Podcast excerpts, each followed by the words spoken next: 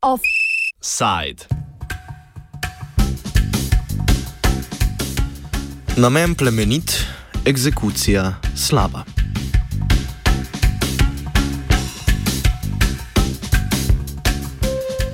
Evropska unija je leta 2003 sprejela okvir za trgovinske sporazume z uvoznicami lesa. Tako imenovani prostovoljni sporazum o, partner o partnerstvu po 12 letih obstoja še ni podpisan z nobeno državo, najbližje dogovoru pa so danes Ghana, Indonezija in Gvajana.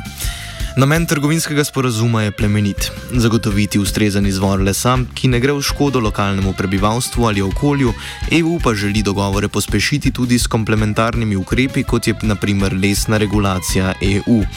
Pojasni Uda Almas iz Forest People's Program.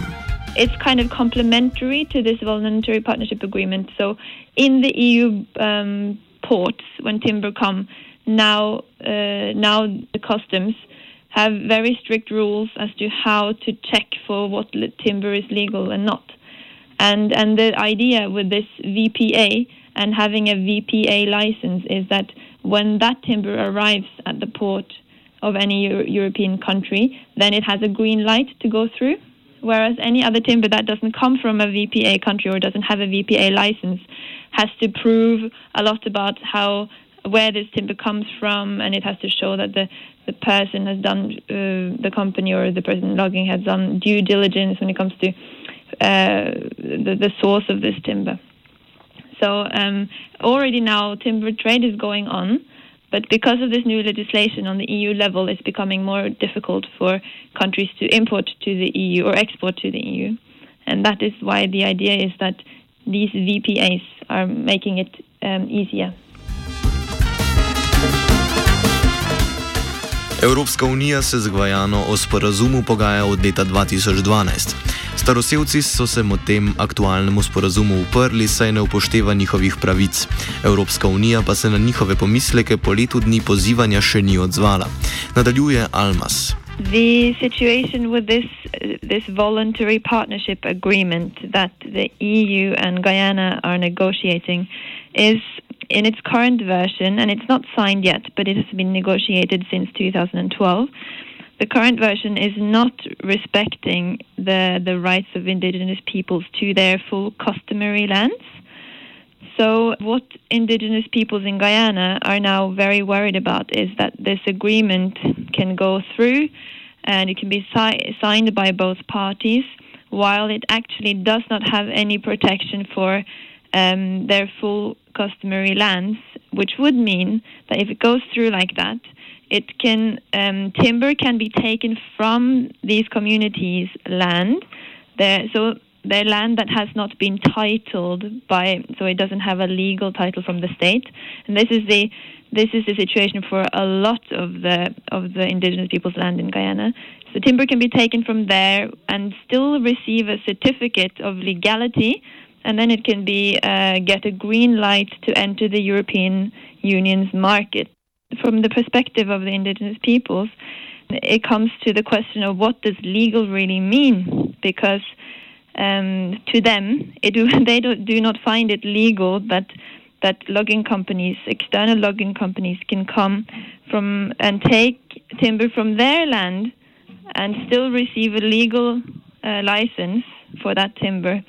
And the, the question then comes down to um, the current systems of, of forest um, allocation or forest concessions allocations in Guyana, which is based on the current national laws that do not um, fully respect and protect the rights of indigenous peoples to their to their land.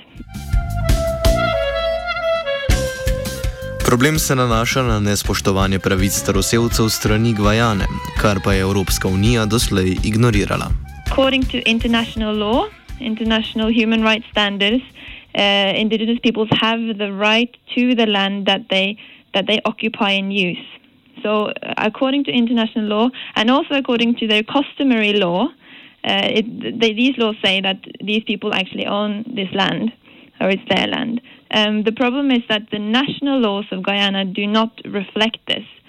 so the state of Guyana has decided to um, that they have an uh, what they call an Amerindian Act, so the act that governs um, yeah, the, the, affairs of Amerindian people, and this act um, works so that an Amerindian community can apply for a certain part of land uh, to get that legally recognized in Guyana. And this has happened. So there are certain communities, quite many communities now have a legal title to their land, but never does this title that they then receive from the state actually um, reflect their full customary territory. Very often it's just a little fraction of that land. And instead of kind of protecting whole territories, we're fragmenting indigenous uh, peoples into small villages. So what we're seeing is that uh, it's actually creating a lot of problems. This way of dealing with ind- indigenous land, and then you have all of that land that is not recognized by the state is then called state land, whereas communities still sees it as their land. So there you have the um, there you have the conflict. So people on the ground, the, the communities say, well, this is the land that we've always occupied and used, and then you have the state who come and say, no, but we haven't given you that land. Um, yeah, so that is the conflict. And then if this timber trade agreement goes ahead with only recognizing, uh, recognizing these national laws, then you have a whole, whole very, very big part of the land that is actually disputed. And it's not, it hasn't been agreed on who actually owns it, even though, after, according to international law, it is the indigenous peoples who own this land. So that is where the problem comes with this timber trade agreement and how um, timber can receive legal certificate, even though the population do not agree with that. Almas v nadaljevanju omeni nekaj procesov sprejemanja omenjenih sporazumov po svetu. It seems when we look at, oh, I'm not fami familiar with all of the countries, but it it seems like each country has their own experience of this um, of this initiative because it depends very much on the political will of the government, um, and it depends on how much the the civil society and indigenous peoples are uh, are able to participate. The idea of this initiative is a very good one um, from from the people who thought of it. It was meant to really, really be a participatory national process where all stakeholders are talking together, uh, talking to each other, and and really agreeing on how to improve forest governance in their country and to make sure that timber is not logged illegally.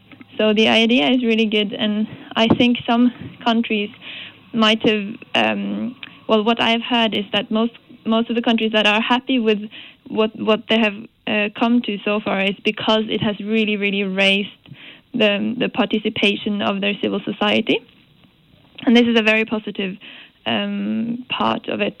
Uh, when it comes to actually starting to produce timber and, and import it to the EU, um, the problem is that it takes very long to to um, make these systems ready in a country. So no country has actually started to export their timber to the EU under this initiative yet, but some of them are very close. Um, Ghana is very very close, and Indonesia has been close for for a long time. Um, that said, I know that the indigenous peoples in Indonesia are not happy with this agreement, and they are saying that their customary land has also have also not been respected in in the Indonesia agreement.